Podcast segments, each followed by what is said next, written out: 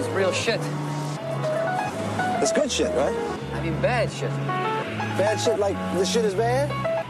It's shit shit. This shit isn't worth shit. Anybody caught on the street with this will get killed. This is real shit. Jeg tror jo eh, Altså, nå har det kommet med restriksjoner fram til 15.6. Og det skal de bestemme seg for innen 1. mai. Så er det vel den første uka i mai. Hvordan skal du planlegge en svær festival? Det er jo det som er umulig. de premissene? Ja, nei, det er jo helt umulig. Altså, I tillegg til det så er det jo hva skal jeg si, mister jo veldig mye. sant? Mister jo salg og sponsorer. sant? Det er jo ikke en eneste billett som selges nå i disse dager her. Siden, siden starten midten av mars, egentlig. Så Du stoppet solgte jo noen billetter i begynnelsen, gjorde du ikke det det? Du har jo solgt billetter. Ja, ja, vi har det. Men så flater Men hva gjør du med de fullstendig ut. da? Vi vi oppfordrer jo til å la være å heller få til 2021. Altså at vi flytter det til neste år hvis det skjer, eh, tenker jeg. Eh, Og eh, i forhold til planleggingshorisonten her, så er det jo at vi har jo på en måte ingen Altså vi taper jo veldig mye penger på å ikke selge. Altså estimerte inntekter forsvinner jo fullstendig. Ja. Det har blitt et helt tomrom. Akkurat nå så skulle vi liksom ha tjent en million eller to på denne tida her, eh, men det, de måte pengene er, er der ikke. Eh, og så er det jo dette her med på en måte leverandører. Sant? Altså, leverandører ligger jo òg brakk. Ja. det er jo en hel bransje. eh, og ringvirkningene rundt bransjen er jo enorme. Så, så vi vet, altså, om vi får lov til å arrangere noe vite det i mai, så er det ikke sikkert vi får scene eller bjærer til Stavanger igjen på den tida. Og så handler det òg om utenlandske artister. Sant? Det er jo utreiserestriksjoner, innreiserestriksjoner, og skal du hjem igjen, så må du vente i karantene i Norge i to uker før du får lov til. Du får ikke det. Eh, Så, så alle utenlandske artister er nok eh, avlyst uansett. eh, For alle festivaler i Norge, vil jeg anta. Og så er jo det siste poenget er jo mer dette med tiden vår. Altså det, å, det å bygge opp en festival egentlig på to og en halv måned, eh, tre måneder, det er jo nesten umulig. eh, En så stor festival, for det er så omfattende. Og så er jo folk òg skeptiske, tror jeg, ennå. Ja, det, det, det, det, ser jeg. Ja. Og den kan jeg se òg. Hva da skal vi gå på et festival plutselig og stå tett i tett med noen vi ikke kjenner og drikke øl? Veldig forståelig, det. Det skjønner jeg. Ja. altså. Den sitter jo litt langt inne. Du har, jo, altså du har jo en del unge voksne i vår, vårt segment da, som kanskje ikke er så altså De er kanskje litt mer irrasjonelle i tank tankesettet sitt, sant? men, men fremdeles de har foreldre som, som kanskje altså, så, så det er liksom sånn det, det er ingen naturlig greie at vi skal ha noe i år eh, på, det, på de premissene som ligger nå, iallfall. Overhodet ikke. Nei, men dere planlegger da Altså dere forholder dere til det, de signalene som kommer fra eh, regjeringa, selvsagt. selvsagt. Men så kommer det jo nye nå etter påske. Så vil det jo eh, komme nye signaler. Men det er ingenting som tyder på at eh, det blir et oppslipp, egentlig, etter påske. Nei, altså vi har vel fått signaler om og sånn I forhold, forhold til Abid Raja så sa det òg at, at han tror nok at festivalsommeren forsvinner. Men, men, men det kan være at det virker litt for meg som at de har satt sine totalrestriksjoner først nå på alt som heter kultur og idrett. Altså store arrangementer. Um, og, og idrettsarrangementer klarer for så vidt kanskje å gå uten publikum. eh, eller med et visst antall publikum kontrollert. Mens for festivaler så er det jo å få mest mulig folk inn. så du, du er på en måte avhengig, det er jo det vi lever av. Um, så, så vi kan vel egentlig ikke se at det lemper noe opp eh, når det kommer nye restriksjoner i løpet av april-mai. Eh, og, og igjen så er det sånn at vi håper jo på en måte nå at de gir oss beskjed om å avlyse nesten. Ja. Fordi vi har ikke sjans til å drive en festival på de, de premissene som er nå. Men hvorfor håper du at, eh, at det kommer et sånt vedtak? Fordi at da er det lettere å få støtte? Altså få hjelp? Er det det du tenker? Nei, altså både det og så ikke minst at vi, at vi slipper å, å, å planlegge en festival som kanskje går dunken. Ja. for etter sannsynligheten for at vi går konkurs er mye større med at vi må arrangere, enn at vi blir avlyst. Eh, for det vil si at eh, denne tida her som taper på alt, men vi kommer jo til å tape billettsalget fram til festivalen òg. Eh, de, de, på en måte, de millionene vi taper nå, de henter vi ikke inn, bare inn igjen. Eh, og så er det jo dette med at vi har lyst til å skape en god festival sant? Med, med, som, som skal være kjempebra gjennomført. Eh, og da eh, har vi rett og slett ikke nok tid, vi har ikke nok leverandører, vi har ikke nok, nok eh, mennesker som rett og slett kan klare å, å ta det, denne støyten. Um, Så for oss hadde det jo definitivt vært best nå å bare fått klare restriksjoner, litt sånn som Danmark har. med at eh, Nå er det slutt, og nå legger vi ned, og nå Ja. må vi bare tenke videre 2021. Eh, For nå ble vi litt sånn på Vi har vært i limbo nå i noen uker, eh, og limbo er vi nå ennå. Eh, Og så planlegger vi uten egentlig planlegge. Eh, ja. Det er jo en grusom situasjon egentlig å være i, for det er ikke noe avklaring. Nei. På det ene eller det andre. Skal jeg fortsette å jobbe med, med dette, eller skal jeg slutte? Eller skal jeg, altså, hva holder vi egentlig på med? Ja, og så er det jo det at de tingene vi egentlig vanligvis holder på med når vi planlegger nå, de er jo ikke der. Sant? For vi har leverandører som, som, som, eh, som har lagt ned alt, så å si. Sant? Vi har som ikke, heller ikke vet hva som skjer. Eh, Vi har eh, sponsorer som, som, som ikke tør å gå inn i noe nå, eh, og det er jo helt forståelig. Og så har vi òg ingenting å markedsføre mot fordi vi har ikke artister som vi tør å slippe. I fare for at vi sitter igjen og, og, må, og må ut med, med store utlegg på dette. Da. Eh, Og det, da blir det sånn Så egentlig sitter vi og bare gjør en ryddejobb på, på koronasida. For å si sånn. altså, vi, vi, vi planlegger egentlig mer hva vi skal gjøre når det blir avlyst. Eh, Men igjen, vi kan ikke gjøre det før det blir avlyst på mange måter heller. Så, så nå prøver vi på en måte å lage en plan B og plan C på hvordan vi skal på en måte gå videre hvis det blir avlyst. Eh, Hvordan vi økonomisk skal klare oss. Jobbe veldig mye politisk med, med, med å med rett og slett få fram et budskap om viktigheten av arrangementer som dette. Eh, Og det gjelder på en måte alle små og mellomstore og store arrangementer. At, og det er jo kanskje nå vi ser det mer enn noen gang før, at, at, at vi trenger disse møteplassene. Eh, Folk er jo desperate, både i mine nettverk, men i andre sine nettverk, etter å møte folk, møte mennesker. Komme seg ut, finne på ting, eh, oppleve ting. Ofte, så Fordelen med i dette tilfellet at det vi kan dra nytte av, vi som jobber med kultur og arrangementer og idrett og diverse, det er jo at vi nå merker et savn av egentlig fritidssysler. Eh, Det er et enormt tomrom for, for det nå, og, og det, det har på en måte kommet veldig nært på oss, tror jeg, akkurat i denne perioden her. Ja, ja det er jeg enig i. Det, er også. det setter det jo i et helt annet lys.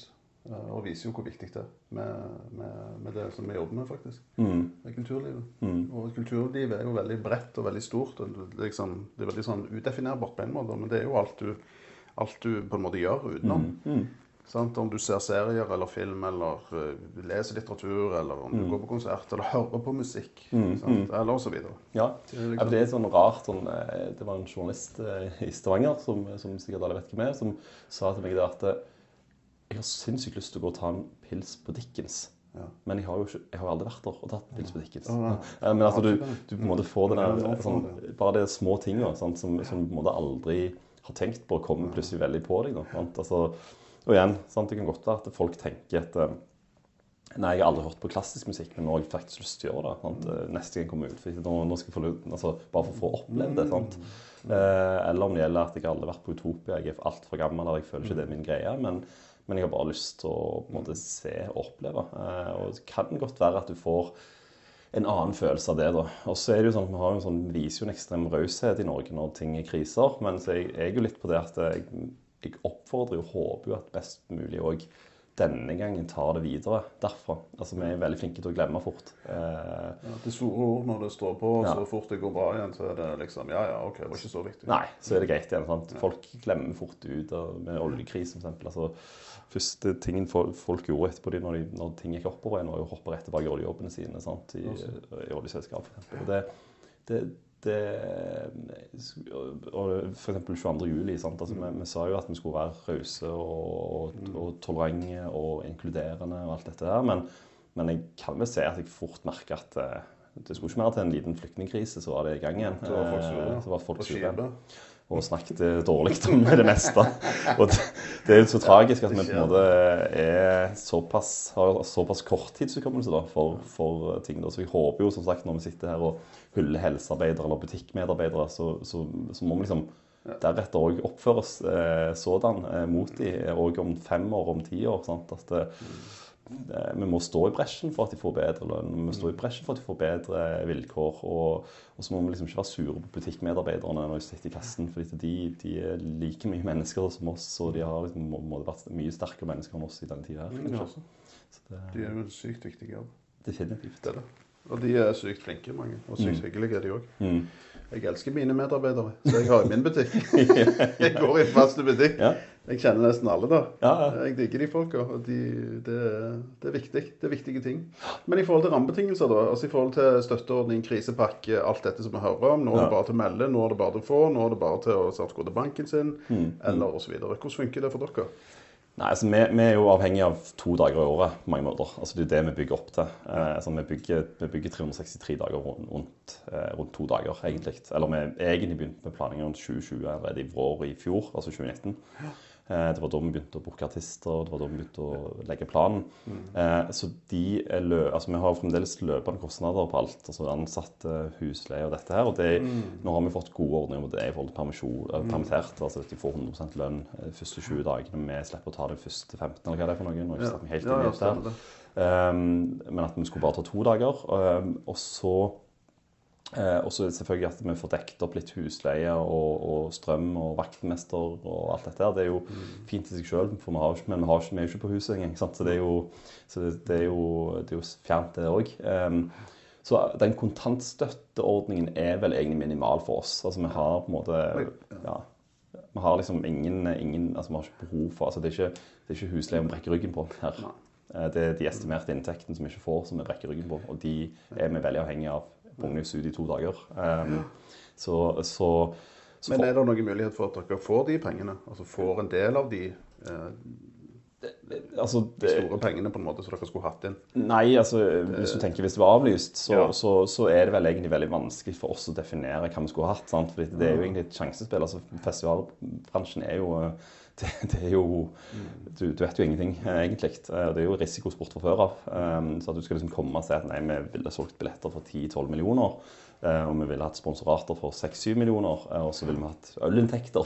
sånn. Altså, det jo det er bare, bare et skudd i blinde. Eh, Men i tillegg så unngår vi mye av de utgiftene òg, så sånn sett så jevnes det litt ut. Men, men vi skulle gjerne hatt eh, Jeg tror nok at vi, vi kjemper jo for å få en form for støtte til å holde driften videre. Eh, fordi at vi er jo Vi hadde jo estimert med et godt overskudd i år, og det tror jeg vi hadde nådd. Nå hadde vi et overskudd i fjor. og, og og vi har aldri solgt så mye billetter på, på så kort tid som vi har nå. Uten å, altså, før vi slapp en artist, så lå vi tigangen foran, Ja. foran andre år. Den lå nok veldig bra an i år. Det var veldig altså. bra an. Pluss at den skal være på, på eh, et nytt sted òg. Altså Ja. Mm. ny lokasjon. Som òg er spennende. For litt sånn wow.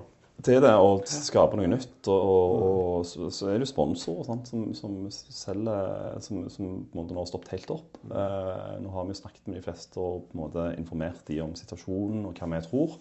Eh, men selvfølgelig at det, det, handler om tillit og omdømme der òg. Eh, du har helst lyst til å ha gode venner i sponsor- sponsorporteføljen. Eh, og så handler det jo veldig mye om, om, om eh, at vi ønsker jo å sysselsette folk. Sant? Altså, det er jo det er en viktig del om å drive kompetansebygging for oss. Altså med ansatte, med prosjektmedarbeidere, innleide det er folk. Det handler veldig mye om det for oss. Og, og, og, og da ser vi at det, det klarer vi ikke å dekke opp. Og det må vi på en måte ha dekket opp hvis vi skal på en måte se en grunn for å fortsette med det, nesten. Eh, og så har jo Stavanger kommune vært kjempefine, som har gitt oss den halve millionen i støtte. Uten at vi trenger å gjøre så mye mer med det. Eh, det er nesten nærmest blitt en gave. Eh, og det tror jeg det er veldig nyttige penger for oss. Eh, Det dekker på en måte opp et, i fall et halvt årsverk, om ikke annet. Og, så, så, og så på en måte kommer vi videre med det. Men, men, eh, men, eh, men det er jo det her med Ja, hvis vi nå får, eh, hvis vi nå får en million i refusjoner eller mer, sant, eh, som da skal være et, nesten et engangsbeløp skal rett ut fra kassen, så begynner vi å snakke likviditetstrøbbel. Det gjør vi. Eh, og da må vi rett og slett få hjelp. Vi har fått banken, banken har vært livsnille med oss. De må de få det avdragsfritt osv. Eh, men, men så er det jo òg i dette, dette segmentet så er det jo så er det jo òg denne menneskelige kapitalen som vi mister mye. Altså med ansatte som, som kanskje ikke sitter så greit i det, sant? som plutselig nå blir permittert på ubestemt tid. Mm. Nav er jo greit nok det, men det er jo ikke mer enn mer enn det må være. i så måte. Sant? Du, du har jo på en måte ofte en livsstil ut ifra hva du har levd. Sant? Og så, så går det ganske seint i Nav-systemet, for de har så mye å gjøre. Så all, liksom, all ære til de. og takke. Altså, de jobber jo ræva ja. av seg, men allikevel så går det jo for seint for mange. Mm, det det. Du, du liksom får ikke svar. Jeg er jo i den situasjonen sjøl. Mm, Jeg har søkt, får ikke svar. Jeg spør, får ikke svar. Jeg spør lo lokalt og nasjonalt. Ja, du må spørre, du må snakke med dem. Jeg spør, ja, nei, uff, de henviser, sant. Mm, Og så har de kjempemye å gjøre. Det har jeg full forståelse for. Det er jo ikke deres feil. Nei. Men det betyr jo da at sånne som meg, vi har ingen inntekter. Nei, Jeg har ingen nei, inntekter. Jeg har ingen muligheter til å tjene penger for alle de som jeg eh, eh, har avtaler med, og skulle jobbe med, Mm. og fremtidig jobber. De legger ned. Hva skal jeg gjøre da? Nei. Sant? Det- der, det er er det liksom, der, er, der er en haug av, eh, av eh, de tilfellene. Mm. Altså, sant? Så er det klart, og, og, og i kjølvannet av en så stor festival som dere arrangerer, Mm. så er det fullt av sånne folk. Det er det. Vi, altså, vi, er jo, vi budsjetterer med ganske mange millioner kroner i året, og, og, og mye av det skal jo gå ned til Ja, til de små og så- sant? alt mulig. Sant? Alt mulig. Leverandører, hoteller, enkeltpersonforetak, ja. altså i prosjektmedarbeidere. Ja. Um, det går jo til dugnad sant? til idrettslag Ja, og korps og foreninger. Vi har vel, vi har vel genererer noen hundre tusen til de i året. Sant? For å selge doruller. Taper du i pengene, sant? Ja, ja. Du som selger ballonger, hvor- får ikke solgt. Altså, det, Nei, det er alle de det tingene. sånn det er. Ehm, så det, det, det er jo en ekstrem ringvirkning på det. Og så estimerer vi at vi, har ringvirkninger utover det på, på lokalt eller regionalt næringsliv på titalls millioner kroner, det, som egentlig går rett i skattekassen igjen. Ehm, Som er på en måte alt fra flybussen til hoteller og Airbnb, og det er Mat. mat Mat, drikke, restauranter barene. klesbutikker. Uh, vi har vel en statistikk på at eh, og over 90% av våre besøkende har besøkt barer og nattklubber i løpet av det, og det, i løpet av oppholdet. Og det er jo Det er, 19 000 mennesker eh, på to dager, egentlig. ja, hvis Eh, du regner gjennomsnitt hvor mye de legger igjen per, Ja. per hode, per besøk, Ja. det er ganske mye. og det var vel òg 40% restaurantbesøk, tror jeg, og kafeer. Dagligvarer eh, lå høyt oppe. Klesbutikker til og med lå på 18% Reklamen vi driver for, for Stavanger. Ja, altså... for, reg- for hele regionen. hele regionen. Eh, Reisemålsreklame uten å egentlig være det. Sant? Altså med, som, som jeg alltid sier, at når du har David Guetta, som vi hadde i første året, som eh, er en av verdens største artister på sosiale medier eh, Han er jo tre, to, to iallfall mer enn to ganger så stor som, som Liverpool, som jeg heier på. Som er på en måte verdens beste fotballklubb. Det er jo litt eh, Er det verdens beste fotballklubb? Ja. ja, ja. Ja, okay. ja du, du, aldri betviler det, Stian. det er, nei, det, men det har jeg sagt, i- det har jeg sagt i 30 år nå. Så, så det, jeg begynner vel å Det er nok det. Men akkurat nå så kjenner jeg at nå kan jeg si det med, med, med troverdighet. Eh, Men eh, nei, så, så når han tar bilder av seg selv i Vågen, han, han tar bilder av at han er i Stavanger, han, han, han driver en reklame med for 60 millioner bare på Facebook, eh, og Instagram vet jeg hvor mange titalls millioner han har der. Men, men og vi hadde på en måte Swedish House Mafia i fjor, som er verdens største DJ-gruppe, på besøk. Vi tok dem ut på ribbtur. De spiste fiskesuppe på Fisketorget. Ja, hva syns de, da? Nydelig. Ja. De storkoste seg. De var, la ut bilder 'Congratulations Norway' eh, fra Lysefjorden. Sant? Eh, De ville ut og fiske i ribbåten. Det fikk jeg ikke lov til. på- Det var litt upraktisk sa de, med, fisking fra ribb. Eh, Men, men, eh, men de, sant, de vet ikke hvor mange de nådde 30-40 millioner på, på, på, på sosiale medier. Og det er sånn, Når vi snakker om at vi har lyst til at vi Stavanger bør kjøpe en billboard på, i Times Square eller hvor det er, men Sant? Altså det, det, det, den reklamen de driver, det er jo ren altså, hater ordet, men det er jo influensermarketing ganger ti. Så det er jo den der sum, altså det er jo den reklame aldri kan sette en pris på. Men Da er du inne på næringsutvikling og på, eh, på markedsføring opp mot turister. Sant? Turisme til regionen. Jeg ser jo at Greater Stavanger annet bruker jo, bruker jo eh, Utopia og Kammeren og liksom Jeg husker ikke hva alle disse festivalene heter. Sportsarrangementer og sånn. Aktivt òg, i reklamen av byen. Og da er vi jo inne på En ting er jo næringsutvikling og hvor mye det betyr for, eh, for liksom Hva skal du si? Turismen på en måte i hele regionen, men vi er jo òg inne på byutvikling. Uten tvil. Hva betyr det for byutvikling at det er festivaler i byen? Så At det er liksom utendørsarrangementer, og at eh, byen legger til rette for det. Det er det å nå hele floraen. Altså på en måte at du skal nå de unge og du skal nå de gamle. Og vi har mye arrangementer som gjør det sant, i aller, aller, aller, aller høyeste grad. Eh, og, og grunnen til at vi starta dette, var jo nesten på en av den fordi vi ville løfte Stavanger som en studentby. Mm. Vi ville gjøre byen mer attraktiv for studenter, vi ville gjøre den mer attraktiv for unge voksne. Vi så at det var mange unge voksne som egentlig flytta fort fra byen. Eh, kom, mange av de kommer ikke hjem igjen. I min generasjon så er det jo mange av de som flytter til Oslo og Bergen, som blir boende der. Av både kjærlighetsgrunner, men òg pga. jobb, eller, eller at de bare føler at det er en kjekk jobb å bo i. Eh, så, jeg- så vi så en mangel på akkurat dette her med dette 18-35-segmentet som, som og spesielt det å på en måte kunne gjøre det attraktivt for tilflyttere eh, som kommer fra andre byer, eh, og tenke at wow, Stavanger har mye å by på. Eh, Utopia eller Mablis, her, der har jeg lyst til å være de gangene det er.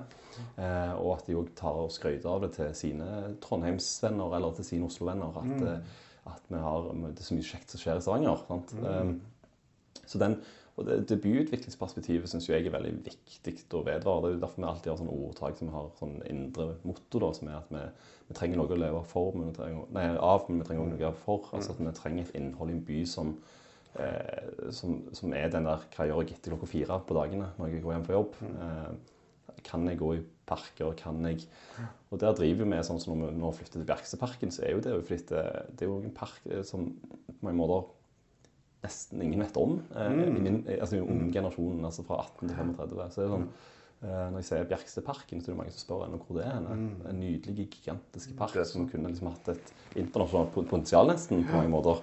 Men, men som, som kanskje de som bor i Bjerkstad vet om. Men, men, men, eh, men, men for oss som kanskje bare husker det fra VG-lista en gang i tida, mm. eller Start of the Byen, eller hva det var for noe, så er det liksom det er det det er.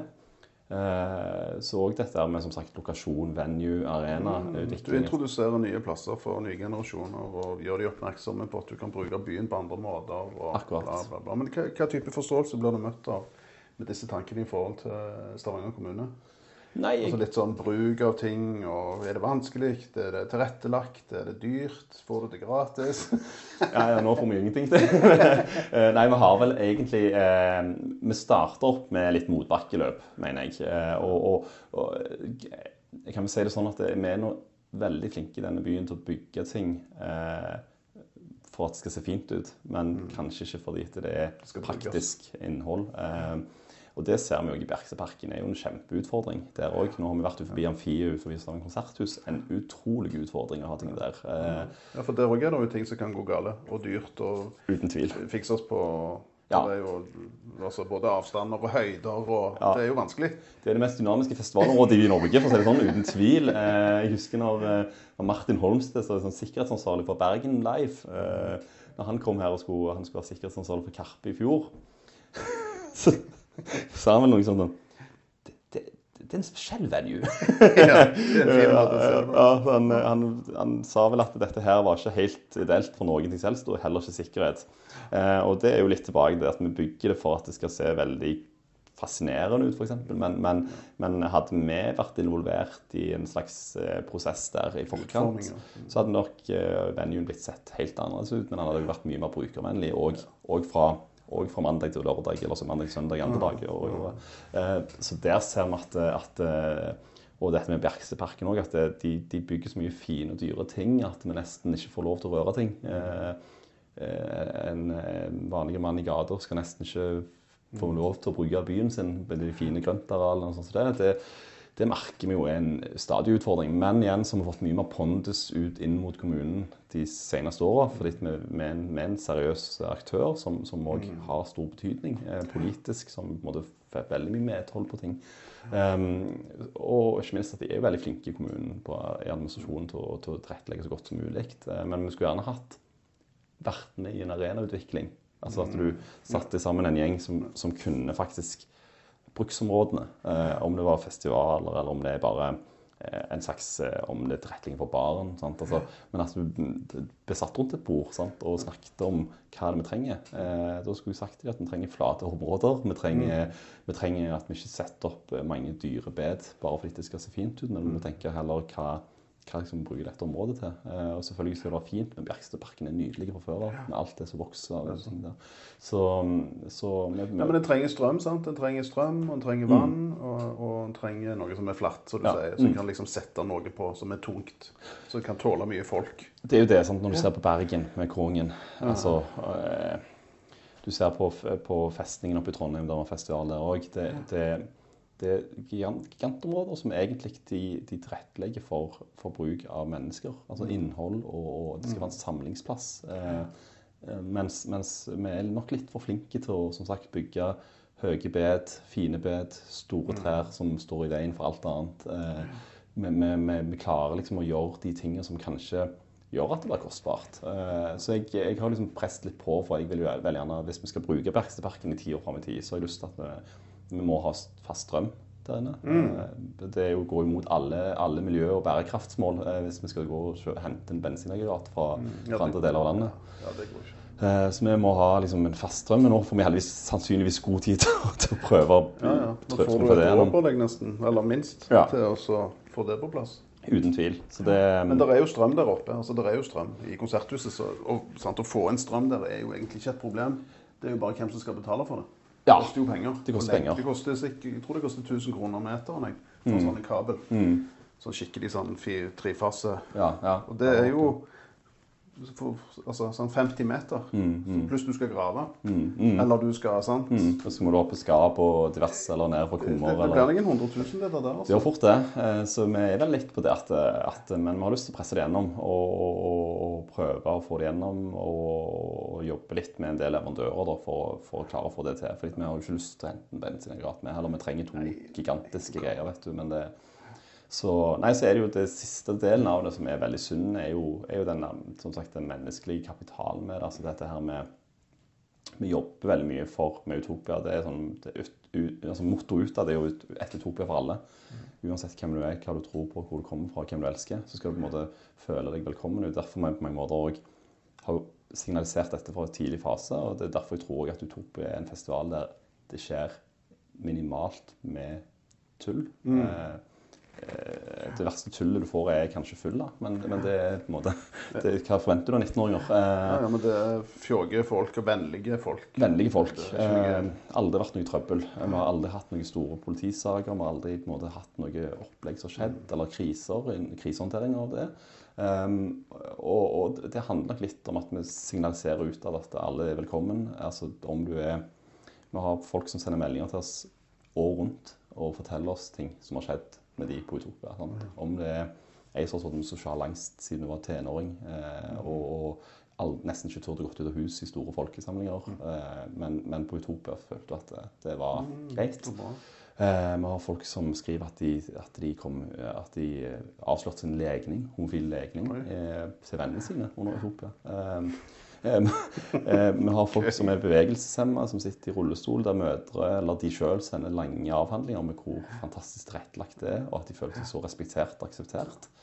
Um, som mennesker som kommer fra andre land, som jobber frivillig hos oss, som, som kanskje ikke er veldig flinke på språk og, og den slags, eller, eller de bare føler seg ikke inkludert i miljøer. Men, men på frivillighetsmiljøene så, så er det en helt annen tone. Eh, og så må folk som forvelger utenforskapet i arbeidslivet, som tar en og, og faktisk gir dem litt lønn for å gjøre en jobb. Eh, og, og, og de elementene der av, av den der si, den overordna menneskelige kapitalen er liksom mye av drivkraften vår da, eh, i det dagligdagse livet. Når du får en sånn melding en gang i uka eller hver andre uke eh, med folk som forteller sin historie, eh, så er det så er det liksom verdt hele stresset. Da er det verdt å springe 30 000 skritt i dagen eh, i to uker eh, for at folk skal, skal ha det. Eh, og du glemmer fort ut egentlig alt slitet med det. Eh, så, så det er litt rart, men Det er sånn bra. Du, du, Det er jo kjempebra at det har sånne konsekvenser. åpner Det betyr så mye for folk. Gjør det. Det er ufattelig bra. For det er jo veldig stress eh, å arrangere Og Jeg har jo sett deg sjøl first hand. Altså, det er mye jobb. Ja, ja, det er det. Sant? Ekstreme jobb. Og det er ekstremt ansvar å ha sånn som festivalsjef òg. Mm. Det er ikke bare de, du skal snakke med de, og du skal please disse. Og da, Mm. altså liksom, alt skal fungere opp i noe som er liksom større enn seg sjøl, i en høyere enhet. Så det er jo det er krevende. Veldig krevende, både emosjonelt og fysisk. Eh, og det er, du, du på en måte har en sånn OK, du lever i den adrenalinbobla, men, men så er, så er det den, den mest emosjonelle delen er jo den dagen det er ferdig. sant? Du har brukt liksom et helt år på noe, og så på to døgn så er det liksom bare Så sånn smeller det opp i fyrverkeriet til slutt. Ja. og så flykter det 10 000 mennesker fra plassen, og så, Ja, ja. og så, Og så noen får- timer etterpå er scenen vekke, og så alt annet vekke. Ja. Um, Vakuum. enormt vakuum. Og så må du begynne å lage ny festival med en gang. Ja. og så forsvinner alle prosjektansatte du har jobbet med i to, tre, fire, fem uker. Sant? De bare de reiser hjem, og de, de tar fri nå, eh, og ferie. Velfortjent, vel å merke.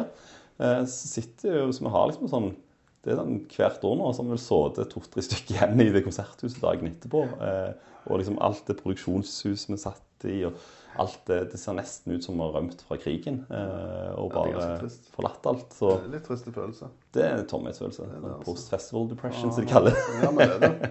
Så, nei, jeg gleder meg til neste år. ja, men det er da du åpner i vin etterpå, så Ja. nyter du, nyter du litt òg. Ser tilbake på bilder og tenker Ja. at det er pokker heller. Det er alt vi klarer å gjøre. Alt vi klarer å glede mennesker med. Ja. Men hva, kan du snakke litt om plan B og plan C? Altså, hva er plan B?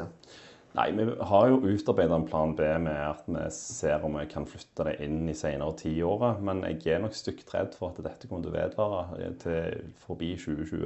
Eh, så, og Problemet vårt er når det er så uforutsigbart, så har vi ingenting å planlegge rundt der heller. Eh, vi kan gjette, eller vi kan tro, eller vi kan synse. Men, men, men det skal vi ikke gjøre i dette tilfellet. her. Eh, så vi sikter oss jo inn på at 2021 er den gangen eh, det skjer, den skikkelige utopia. Eh, men så jobber vi jo litt med type online-festival under helga vår, eh, Ja. når vi skal egentlig ha det.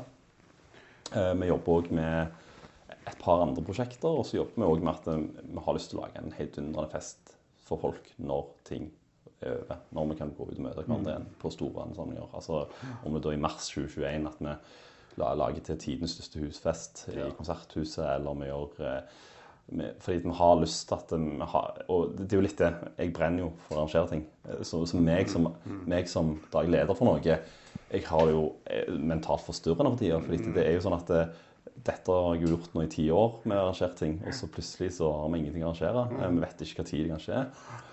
Og, og det, det er sånn Jeg blir helt eh, småpsykopat etter å sitte hjemme og ikke få lov til å utfolde meg sjøl i det jeg elsker.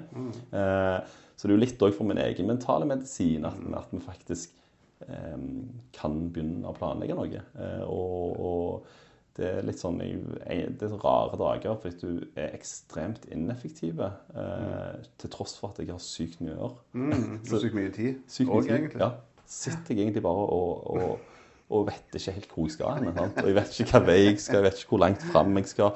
Ingenting. Eh, Og det er, det er på godt og vondt. Det det, jeg har sikkert litt godt av det òg. Altså, vi i vår bransje vi har sikkert litt godt av pauser, for det er vi altfor dårlige til å ta. Og det har jeg vært veldig på, dette med mental helse i vår bransje. Om det gjelder artister, eller om det gjelder vi som jobber bak, bak scenen.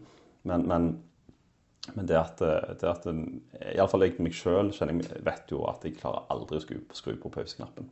Om jeg er på ferie, om jeg er på hytta, eh, om jeg er hjemme og det er påske nå, så sitter vi, sitter vi her i påskeferien. ja, Eh, vi er jo vant til på mange måter være påskrudd hele veien. Eh, og, og der har jeg jo på mange måter alltid sagt litt, iallfall til mine ansatte så Jeg er altfor dårlig på det sjøl, så jeg er litt dobbeltmoralsk, men, men jeg har alltid sagt til de at det er viktig å ta pauser. Eh, Men jeg er jo på mail. Altså jeg går inn på telefonen på mail 50 ganger til dagen og sjekker om noe nytt har skjedd. Så jeg tok altså notifications på den, men, men, ja, Det men det burde Da jeg går du ikke enda mer inn. Ja, har det skjedd noe? så, så det er jo eh, Jeg tenkte vi skulle- gjøre noen grep, da. eh, Så, så blant annet den ene medeieren min han, eh, han sa det at han har sletta mail fra telefonen Oi. helt. Oi, oi, oi. Det var Eh, dramatisk. dramatisk. Ja, han sa det, at det, han sa noe smart at det, når de sender mailer, så er det ingenting som haster. Og hvis det haster, så ringer de meg etterpå. Ja, ok. Eh, så da, da kan jeg gjøre det når jeg kommer på kontoret i morgen. Ja, det er egentlig kan- ganske smart, altså. Jeg har tenkt på det, jeg òg. Det er jo en fin måte, egentlig. Men jeg hadde fått sykt med angst. Ja. jeg kjenner Ja, ja. sånn jeg, jeg, Det, det går ikke. det- Du må jo ha, sant, ha kontroll. En viss kontroll, iallfall. Ja. så nei, så vi jobber plan, Planene våre framover er vel å, å, å vente, vente og se eh, på hva som skjer. Eh, og så planlegger vi 2021, men det er jo mye som må, må ryddes opp i. Sant? Med, med, med billetter, som vi har snakket om før, med sponsorer. At vi må ta en ringerunde til de og, og treffe de igjen. Og vi må, vi må eh, planlegge i forhold til artister. Hva, vi håper at hele programmet egentlig bare kan bli flytta til 2021. Ja, for det kan vi snakke litt om. Programmet. Ja. Så, så, Så det er det en går for, egentlig? At en bare på en måte flytter det som vi har nå? Mm. Årets program til neste år? Det er det. Eh, og heldigvis har ikke vi veldig stort fokus på utenlandske artister. Eh, Hvor mange utenlandske artister er det egentlig snakk om? Det er snakk om fire-fem, pluss minus. Eh, Det ene har vi annonsert allerede. Den, de, de fire-fem andre, eller tre-fire andre, de, De er ikke annonsert, de de. er ikke annonsert. Så de kommer hvis vi, hvis vi ser at det, det, det kan skje neste år, da. Eh, Men, men eh, vi har vel sagt det at dette er jo en slags felles dugnad i musikkbransjen òg. Vi har jo ofte en sånn, hatt et forhold og relasjoner der det kanskje er litt sånn å ja, bukkere de er sånn. Eh, De er liksom litt sånn støvsugerselgerne, og så og så med de huseierne som, som, som går fem på ofte. Sant? Så litt sånn, du, du må ha en sånn veldig stort salgspress og veldig stort kjøpspress. Um, mens, mens nå føler jeg vel kanskje nå at nå har vi sett at ok, vi òg har ekstrem sympati for norske artister i denne tida her. For de mister jo alt de har eh, på dette. dette. De frilanser, mange av de, og de selvstendig næringsdrivende har et enkeltpersonsforetak eller Maxet AS med, med bandet sitt, hvis det er det. Eh, Men, men eh, så vi har vel så Nomad, som er på en måte interesseorganisasjon for artister og bookingselskap og management, de sendte jo en åpen mail til ti av ti-tolv av de største festivalene i Norge. eh, Og, og med, med en liten sånn håndsrekning da, om, om, at, eh, om at vi skulle liksom fokusere på å ha et norsk år neste år eh, til artistene. Eh, Og det, tror, det er jeg veldig for. Eh, norske artister er for oss prima, for det det er det som selger best. Norsk musikk er i Norge kjempestort nå. Eh, og, og, og, ikke minst at vi kan, kanskje få løfta de opp internasjonalt òg, da. Sånne type, eh, Vi har jo de allerede med Sigrid og, og Ellen Walker og Kygo. og Dette her som er på en måte A-nivået, men men òg de på litt under der. da. Så vi har vel ønsker om å gjøre et fokus på å flytte mest mulig av programmet for å ikke ødelegge for artistene. Um, så, så det tror jeg de aller fleste festivalene òg har, egentlig. At de, de, de prøver å måtte, dra det ut til neste år. Um, og det kan jeg tenke meg eh, blir veldig lett for oss å gjøre, da. Uh, så, så mest mulig, iallfall. Så vi forståelse for at noen, Det er jo langt fram i tid. Så, Ja, ja. Det, er- altså, det er jo litt uforutsigbart for Ja. folk, men uh, samtidig så er det jo ikke sånn at de har sagt ja til en annen festival akkurat da heller. Nei, det, det det, har ikke det. De har ikke det. Men Så- jeg tenker det er jo veldig det, er jo, altså det du sier om norsk musikk, det er jo veldig gledelig, syns jeg. Eh, og har vært vitne til de siste år at det, det har blitt så bra, eller så høyt nivå på norsk musikk. Det er jo fantastisk.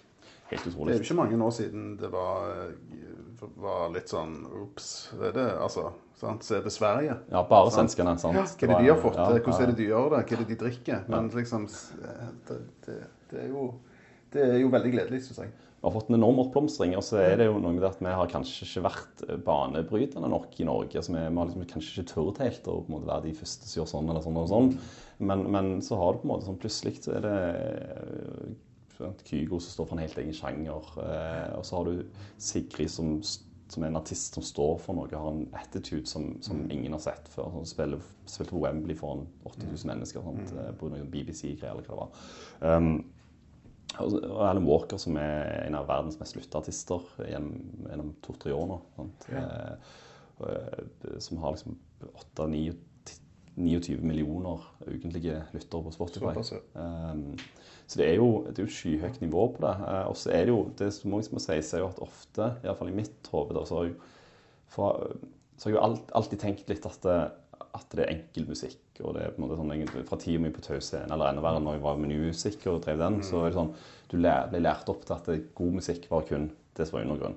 Eh, litt sånn. Og, og, og på sett og vis så var jeg jo enig den gangen. Men, men eh, det, det er jo ikke til å stikke under stol her at, at om det gjelder Kygo eller Matoma eller Alan Walker eller, eller og, altså de mest kommersielle, da, så er de utrolig flinke musikere. Eh, Matoma, som er en liksom veldig sånn har et bondsk uttrykk og litt sånn enkel type og sånn som det, han er jo en, han er jo en, en utrolig musiker. Eh, han, han spilte jo eh, flygel mot en av de beste klassiske pianistene vi har. Og, og, han, han var nesten litt sånn hands off, nesten, eh, og, og hylla han for dette. Um, så, så det, og de sitter jo hjemme og knoter og trykker på alt, de òg, sånn som alle andre gjør. Men, men de Men det er ikke bare liksom stjeling av beats og Nei. liksom sampling. Det er ikke det. Eh, altså, Kygo står jo for en egen musikksjanger, nesten. Han, han definerte jo mye av det som nå er kjempeinne internasjonalt. altså med sånn tropical house og dette. Og så er det jo noen som kaller det haze-musikk, og noen kaller det helt fantastisk. Men, men, men, eh, men eh, de, de er jo en haug med enorme musikalske talenter, mange av de. Og, og, og, og, så er det noe med det òg at du, mange av de som kanskje var litt sånn ukommerse, har òg ofte beveget seg litt i det mer kommersielle, og vice versa. Altså de, Det har blitt litt sånn uh, utviska, ja, på en måte. litt åpnere. Litt Ja, mer sånn at det, det. er akseptert å gjøre det, og så er det akseptert å gjøre det. Sånn Heise Kite, som var en, en gjeng med enorme musikere sant, fra jazzlinja Ja, ja. i Trondheim. Kunstneraktige særinger. Mm, ja, på mange måter.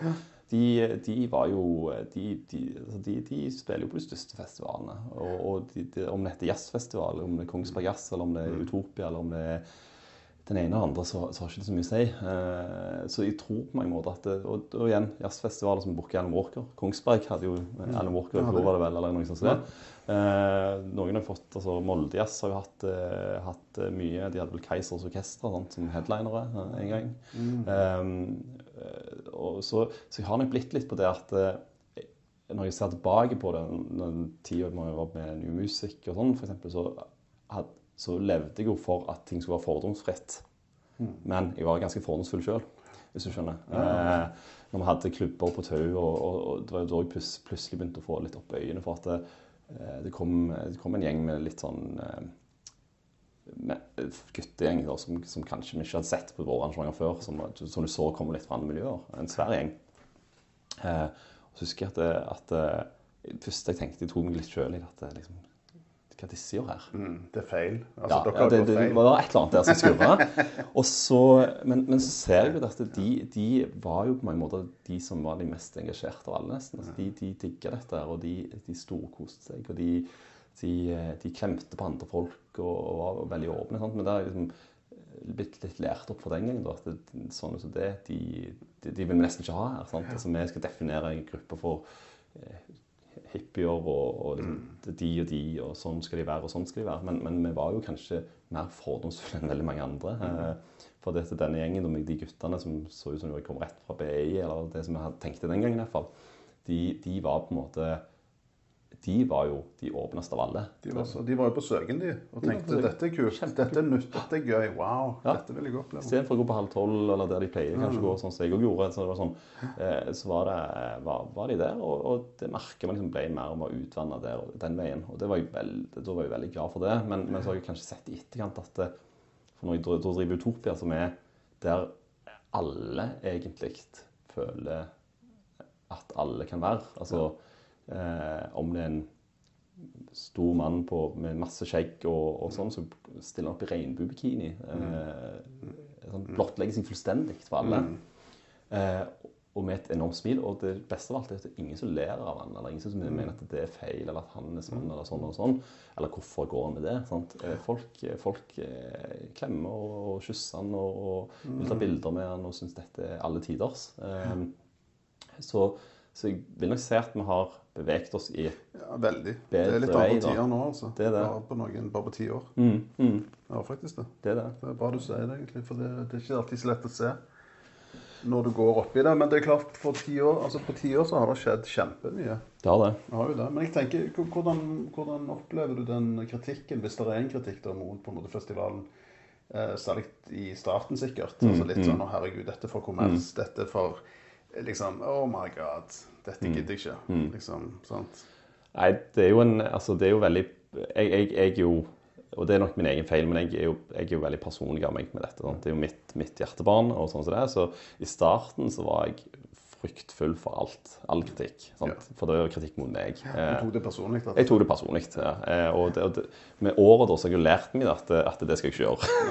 Eh, og med året så har jeg jo lært meg at eh, em, Lært meg å si nei mye mer. Eh, det, det har vært sånn, sånn, mer en, si, en egen personlig dyrkelse i det, eh, som gjør at jeg takler det. Men da er det jo det å lære å si nei til ting, og, og lære å bare gi klare beskjeder om ting. Eller, eh, eller bare la folk klage.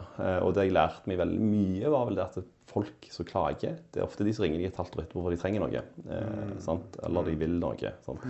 Eh, og det er noe av det jeg har lært mest av. at eh, Sånn som når vi skulle eh, slippe Stavanger-kameratene i- til fjor, så, så, så Ja, satt der jeg var det en del kritikk. det var en del kritikk. Og jeg satt to uker før og bare tenkte hvordan skal vi gjøre dette? her? Altså, hvordan i alle dager?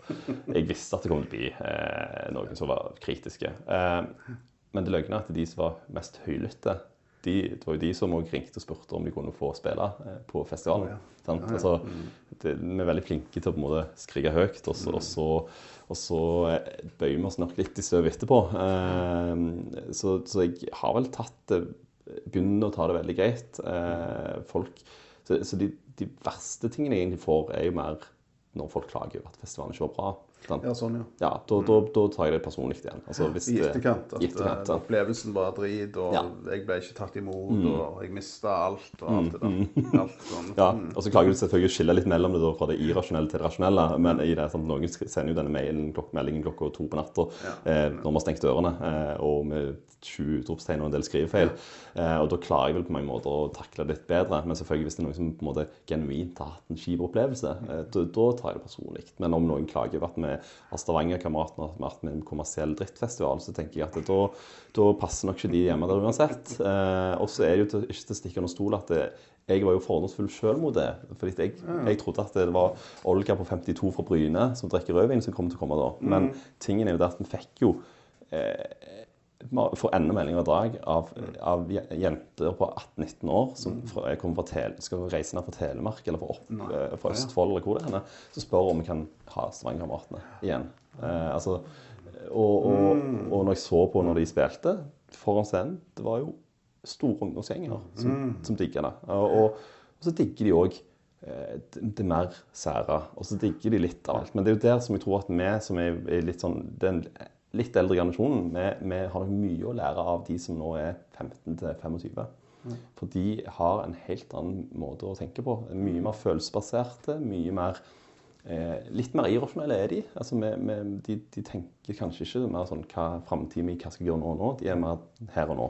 Eh, og, og, og, og det er veldig mye hva skal jeg si, det er mye peace and love i den, eh, den, det segmentet, eh, sånn som vi ser det. At det er veldig mange i den yngre generasjonen fra videregående oppover eh, som nå er mye følelser, mye menneskeverd, mye De står i bresjen for noe. Sant? Med, med Greta Thunberg-bevegelsen. ja, de tror på noe. De tror på noe litt sånn tilbake til punken eh, på, på 90-tallet. sant? Altså med, med, med, med liksom bevegelser som Pearl Jam og Nirvana. Liksom, nå, er det, nå er det tilbake til gatene. Sant? Litt mer den. Eh, og det defineres mye ut fra musikk, det defineres mye ut fra trender. Eh, altså kids som bryr seg om om, og, altså, de, de, bryr, de har andre ting å bry seg om nå eh, enn en det jeg hadde. Jeg, jeg skulle ønske at de var så reflektert når jeg var 18, for det er jeg ikke. Eh, var jeg ikke. Eh, så mange av de er. Ja, det var ikke jeg heller. De tenker miljø, samfunn, mennesker, politikk.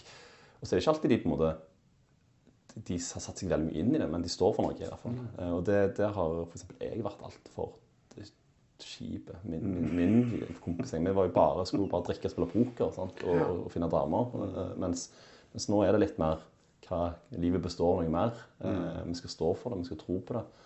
Eh, så det, det, jeg har kjempetro på neste generasjon, eh, faktisk. På en helt annen måte enn det jeg hadde tro på meg sjøl, min generasjon. for å si det sånn. Jeg tror neste generasjon kommer til å ta det et nivå opp i verden eh, på en litt annen måte. Det Ja, det håper jeg. Ja, jeg håper det.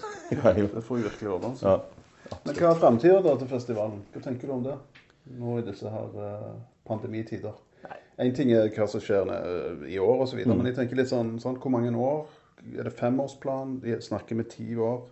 Skal det utvikle seg? Skal du holde Mm. det her? Eller skal vi flytte det ut av byen? Skal det være mange byer? Mm. Har vi liksom Vi har jo, altså nå har vi jo I dette eierskapet så har vi jo festivaler i flere byer. Men alle har et eget brand, litt ut ifra Hvor hvor de er og hva, hva som. Festningen er på Festningen Trondheim, så det passer fint. Eh, Utopia er noe helt eget, for det, det er på en måte et, et navn, eh, merkevare som har satt seg veldig, uh, og det tilhører Stavanger. Uh, Men fremover så vi, vi har jo et mål om å fremdeles forbli bli en av de største festivalene i Norge. Vi skal kanskje være en av de fem største eh, i Norge. Det har vi et absolutt mål om. Vi er jo en, en av Norges desidert største regioner, så vi bør jo klare å bli det. Eh, og så skal vi så handler, så, så, vi, skal jo være så mange år vi klarer, og, og så mange år vi kan. Eh, og vi har jo lyst til å være i 20 år, om det er det. Eh, nå har jo de andre festivalene som i dette eierskapet de har vært i veldig mange år. Eh, og, og det har vært oppturer og nedturer. Det har gått i minus, og det har gått i pluss. Eh, men, men vi, vi, skal, vi skal drive en sunn organisasjon, og, og vi, ha, skal, vi har ambisjoner om å, om å være blant de absolutt største i Norge. Og, og med det følger jo mye ansvar i forhold til å gjøre det til en bra studentby, gjøre det til en kul destinasjon å reise, reise til og besøke. Eh, Vi har til byutvikling, altså dette her med, med venue- og arenautvikling. eh, Og at vi har lyst til at folk skal bruke byen mye mer. Eh, Det er det som er på en måte Vi lever jo brenner for sentrum og, og byen, og det er derfor vi har egentlig en sentrumsfestival, hvis vi kan kalle det. Um, som ikke flytter ut på jordet eller fotballåker en eller annen plass midt i, midt i periferien. Eh, Berseparken er mer enn stor nok til å huse mye mer mennesker enn det vi har hatt, og det vi har kapasitet i dag. Uh, for det er jo en gigantisk park. Den vokser jo vokser for hver dag jeg går der, nesten. Um, men, men der har vi mange områder og muligheter hvis vi bare bruker det riktig, og, og vi kommer dit hen at vi skal gjøre det. Eh, så nei, så skal vi bygge en god organisasjon med, med folk. Altså, vi, ha, vi har lyst til å ha ansatte som jobber for oss året rundt for å lage festival, kontinuitet, eh, styrke den biten av det til å bli en sømløs festival så mye som vi kan. Nå hadde vi 2019. altså det, det var et år der nesten alt glei. Altså det var nesten ingenting som ble stressmomenter. Og det er litt skremmende på en måte. For det, det er liksom litt sånn OK, bare tre år, og vi er allerede der. Eh, Men, men det var null køer, eh, til tross for at vi hadde kapasitet som var på sprengt. Eh, Vi hadde fin flyt. politiet, Politi, alt var superhappy med alt som har skjedd, egentlig. Og, og, og alt ble egentlig gikk mye på skinner. Og, da, og det å videreføre det er jo viktig. Altså, Skape god opplevelse. For jeg tror Vi snakker veldig mye om alle artistene som kommer sånn som det, men jeg tror Det er jo to totalopplevelsen. Mm. Det, det. det er jo sånn, det. Og det merker vi mye sånn fra i fjor at eh, dagen etterpå når vi slapp billetter, så solgte vi jo 20 ganger av det vi gjorde når vi slapp billetten etter 2018. Eh, og det var ikke etter 2018. Dårlig vær, mye køer. Ting gikk ikke helt, fløy ikke helt. Dårlig kommunikasjon for oss. Så den, den har liksom, som endra på alle de tingene som vi kunne endre på. Eh, og så lagde vi en 20, et 2019 der vi tok høyde for alle disse tingene, og så gled det som bare det. Og da, da går folk ut og så trykker de på billettlinken med en gang. Når de også, Eh, da vil de oppleve det en gang til. så det var, jeg satt bare igjen med gode følelser. Så det, mm, så det vi skal bli en god festival. Og om man vokser så mye eller så mye og så mye det neste året, det er ikke viktigst for oss, men å lage en god festival som er bærekraftig økonomisk, og, og, og, og som utvikler seg med trendene, og som aldri blir irrelevant. Eh, Og, og da kan om vi da gå fra 12 000 dagen til 14 000, eller, eller vi sikter oss opp på 16 000-18 000 dagen, det, det, får vi se litt. Eh, Og alltid er det sånn at selv om vi skal selge 6000 mer billetter, så koster det som regel det- like mye utgifter, eh, egentlig. Eh, Fordi du på en måte du, har, du må bygge større barer, du må ha flere ansatte, du må ha større områder, du må ha gjerder, du må ha kulere anlegg, du må ha kulere scener. Alt det der som det går flyt med når du skal øke inntektsbudsjettet. Så, så øker fort utgiftsposten òg. Det er det en ofte glemmer. Mm. Så det er viktig, da. Og så, så er det Stavangerfestival. Utopia skal være Stavangerfestival. Så det, det, vi skal ikke være noe franchiseopplegg. Um, ja, så det, det er liksom ambisjonen vår. Og så har vi jo fått Nå skulle vi jo egentlig i vår være med som en av de fem største festivalene i Norge på en ut, nasjonal utstilling i Trondheim for populære musikkfestivaler. Eh, der de skulle skildre på en måte hva neste generasjons festivaler er. Eh, liksom dette her med aktivering av mennesker, aktivering av, av sponsorer og den slags. Mm. Teknologi, sikkert. Teknologi, innovasjon, ja, alt, alle de tingene der. Eh, Så vi, vi skulle, skulle egentlig ha 50-60 bilder utstilt der, eh, og filmer og merch og plakater og alt dette. Så får vi se hva de deler. Men det var jo sammen med Palmesus, Festningen, Findings og Parken var det vel, i tillegg. Som er på en måte, så det er de, de fem, store, fem av de største. Da. Så da, så, men det blir eh, bra når den kommer opp i Norge. Ja, ja. Så, når den kommer opp neste år. Men jeg tenker dette året kan jo gi dere en slags anledning til å jobbe videre med, med, med litt sånn eh, teknologiske løsninger. Ja. Mm. For det er jo også alltid snakk om. Hva app er det, hva skal jeg Mm. bruke, skal jeg slå på tjeneren ditt, skal vi jo ha på, skal vi, sant? Mm. Vi ønsker jo å være i front av det eh, når vi kan det. eh, Og, og vi har jo på mange måter vært litt i front på noen ting. Eh, og vi har jo en app som, som, som skal utvikles og holdt på å begynne å utvikles nå i starten av året. Eh, men nå har vi bedre tid til det, så du sier. Er Fantastisk. Det bra. Veldig bra. Eh, og vi er jo liksom litt sånn i festivallivet, vi er jo litt skippertaksmennesker hele gjengen. Eh, vi liker jo på en måte å ha stressmomentene over oss istedenfor å på en måte være i front. Det er jo typisk. Eh, så der, der kjenner jeg at det nå det er bare litt sånn prøvelse å på en måte heller ha veldig god tid på å gjøre en del organisatoriske endringer, en del endringer på på, på, utvikling. og vi, vi ønsker å være, bli mye mer bærekraftige. og Nå får vi enda bedre tid til å planlegge miljø eh, på dette. Og, og der var vi allerede i loopen. Men, men vi vet jo det at eh, vi hadde sikkert ikke kommet fram til løsning før juni-juli uansett. Fordi det, vi er jo sånn, vi er jo lagt, bygd sånn i, i vår bransje at vi, vi, liker jo, vi liker jo å ha press på oss. Ja. Så, nei, så vi ser på en del sånne ting som vi kan liksom, sikkert jobbe med nå. da. Eh, I forhold til marketing. sant? Skal vi endre oss? Skal vi gjøre noe annet? Skal vi mm. fokusere på andre ting? Få mye bedre tid til å selge en sponsor? Så må vi se hvordan ringvirkningene blir på det, på det regionale næringslivet. Da. Det blir jo veldig interessant å se. Eh, jeg tror det blir veldig utfordrende for veldig mange. Og så tror jeg òg at uh, vi har en dobbelt, et dobbelt handikap med at vi er så basert på olje ennå. Uh, og med et oljekrakk, og oljeprisen som går ned, og litt sånne konjunkturer som går litt i hytt og pinevær. Og de store organisasjonene begynner plutselig å permittere, sånn, sånn, så begynner du liksom å få litt sånn andre realiteter òg inn i bildet enn bare koronasituasjonen. Eh, og i tillegg er vi òg avhengig av resten av verdensøkonomien. Sant? Vi er jo USA Hvor lenge skal dette vedvare? UK eh, med brexit nå. Sant? Og, så, eh, og ikke minst Asia, Østen. Eh, og, og hvor, hvor påvirka blir vi egentlig av andre land òg på dette? Eh, enormt. Enormt, ja. Mm. Det er jo det det viser. Så har vi forskjellige verdensledere eh, som har forskjellige teorier om alt. Sant? Du har en galne i USA, og du har en mest like galne i England, og du har En russer. russer. Noen i Saudi-Arabia som sitter og holder på med de der sablene sine. Asia som sitter og har tillatt disse våtmarkedene med spising av flaggermuser fram til nå. Eh, så det er jo Det er jo, det, er jo, det, det er jo en galen verden allerede, tenker jeg. Eh, og nå er det på en måte en, en, si, en felles fiende, men fremdeles ser jeg at verdensledere klarer å skylde på alt annet enn seg sjøl eller alle andre eh, rundt seg. Eh, alle andre som feil. Eh, så du har jo han i USA som mener det var en hoax for demokratene for bare et par måneder siden. Sånn. Um, så det, det, det, var spennende å se hvordan vi skal stable oss på beina igjen sånn verdensmessig.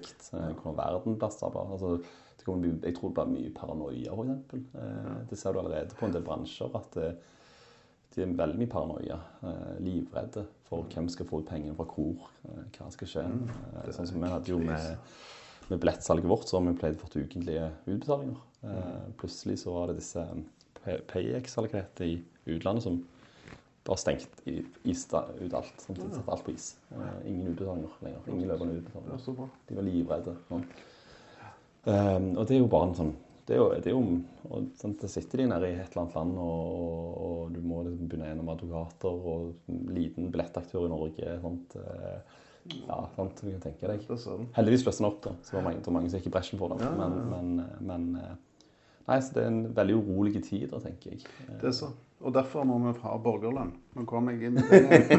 det. Fordi at folk som ikke har noen ting, og det er en ting vi også bor i, i, i, i Norge, ja. altså folk som sant, bor i USA, ja. Ja.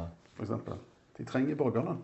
Det er jo et der borte. Et, et gulv å stå på. Et liksom basisgrunnlag. Mm.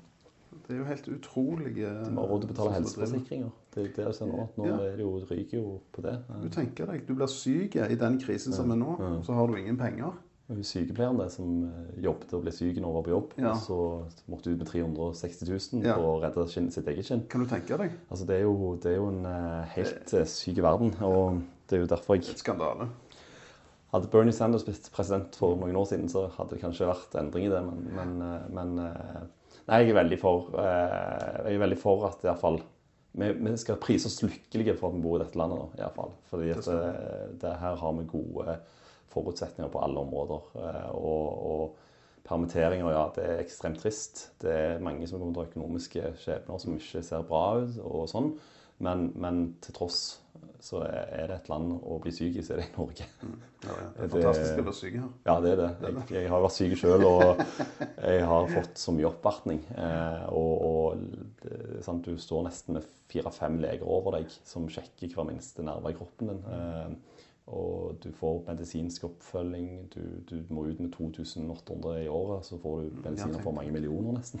Jeg vet ikke hvor mye det koster. Ja, det er blå resepter, du skal hente ut eh, piller på piller sant, og sprøyter på sprøyter.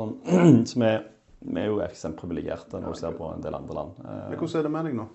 meg er det veldig veldig fint med. Jeg har, eh, og Du er jo veldig frisk takk for det. Jeg føler meg det òg, absolutt. Så bra.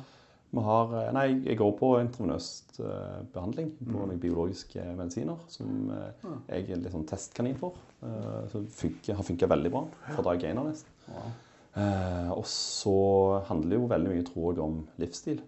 Eh, jeg har som sagt lært meg å si nei til mye, og det tror jeg har gjort at jeg har blitt mindre stressa.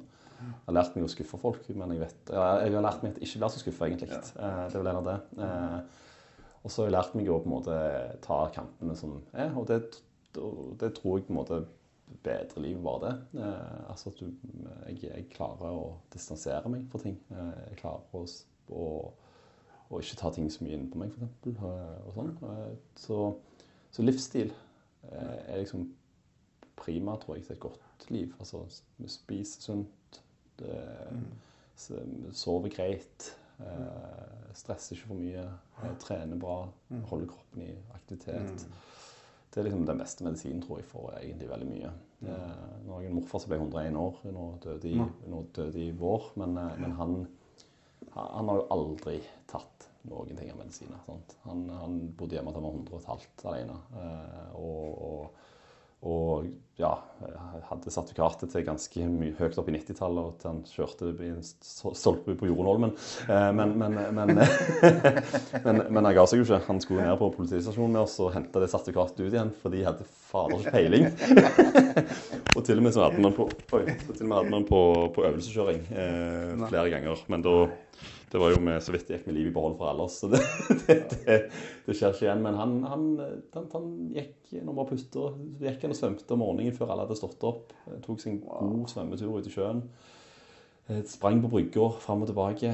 Trimma ned med knebøy og full pakke. Og, eh, og selv om det gikk på terke noen ganger da han datt ut fra kanten, sånn, så, så, så, så holdt han seg med ved like og, og spiste sunt med fisk og alt annet som var på en måte sunne ting. Og, og så ikke minst at han var bekymringsfri.